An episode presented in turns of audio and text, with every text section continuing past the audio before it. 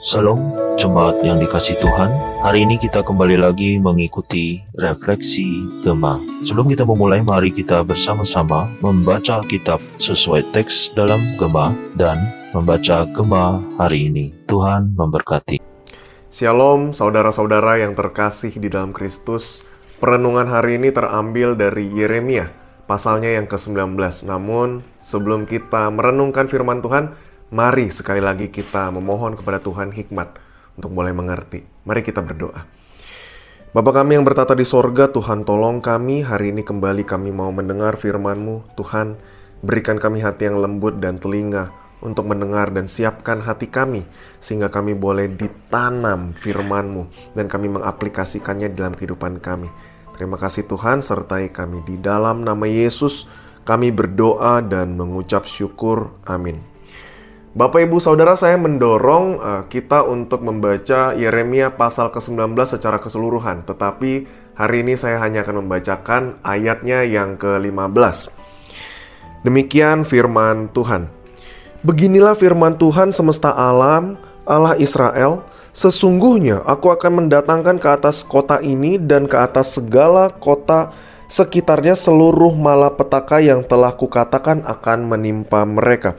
Sebab mereka berkeras kepala dan tidak mendengarkan perkataan-perkataanku. Di seluruh Yeremia kita menemukan tema tentang penghakiman yang tidak dapat dihindari dan seruan pertobatan yang disampaikan oleh Nabi Yeremia yang berusaha untuk mencegah penghakiman dari Allah. Di Yeremia 18 pada hari sebelumnya kita mendapati ada satu ilustrasi tema tentang analogi penjunan.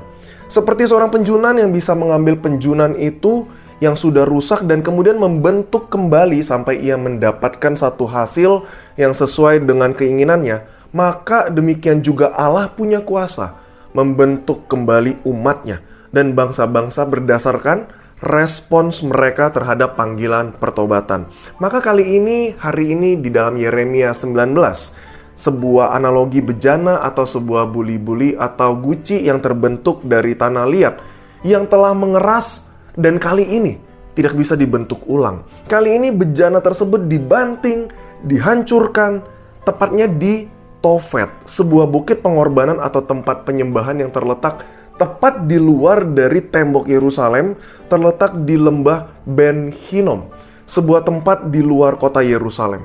Di sana, bangsa Israel melakukan perzinahan rohani dengan mempersembahkan korban kepada dewa-dewa asing, bahkan mengorbankan anak-anak mereka untuk dewa Baal dan dewa Molok. Mengapa Allah memilih Tofet sebagai tempat buli-buli tersebut dipecahkan, saudara? Memecahkan buli-buli adalah sebuah simbol dijatuhkannya penghakiman dari Allah, hukuman dari Tuhan kepada umat Yehuda yang telah melakukan perzinahan rohani dengan menyembah dewa-dewa asing.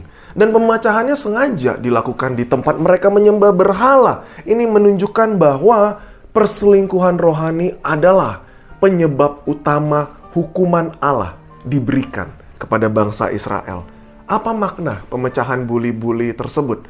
Ada dua, Bapak Ibu. Yang pertama, Allah menegaskan bahwa hukuman atas dosa mereka ini bukan cuma gertakan, tetapi sungguh pasti akan terjadi atas mereka dan akan begitu dahsyat.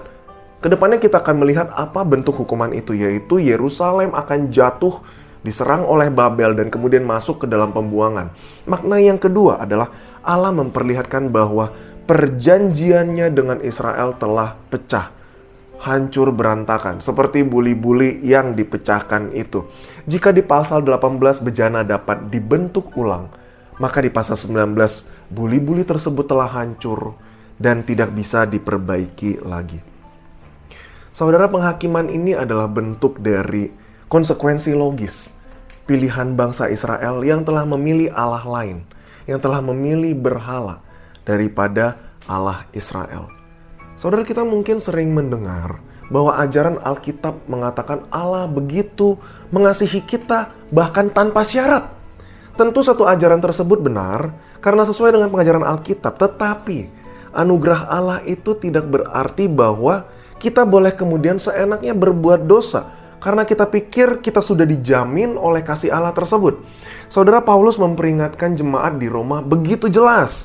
Ketika orang-orang mulai berpikir bahwa oh semakin karena anugerah keselamatan itu begitu besar, semakin saya berbuat dosa, maka kasih karunia itu juga akan semakin besar sehingga berbuat dosa tidak apa-apa. Tetapi jelas sekali di dalam Roma pasalnya yang ke-6 Paulus berkata, Bolehkah kita bertekun di dalam dosa supaya semakin bertambah kasih karunia itu? Apa jawab Paulus?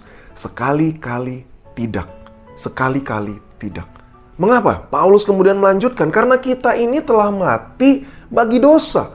Sehingga tidak mungkin seorang yang telah memiliki iman, seorang yang telah mengalami kasih karunia keselamatan itu akan terus hidup di dalam dosa.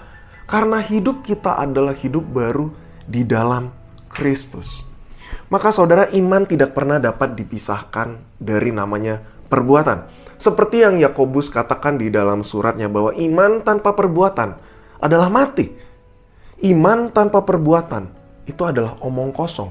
Bukan berarti untuk selamat sekali lagi saya harus sampaikan kita butuh perbuatan. Bukan saudara. Keselamatan hanya karena iman. Tetapi jika kita sungguh adalah orang-orang yang mengaku dengan mulut kita dan di dalam hati kita, kita beriman kepada Kristus, maka iman itu akan memancarkan perbuatan sesuai dengan pengakuan kita, saudara.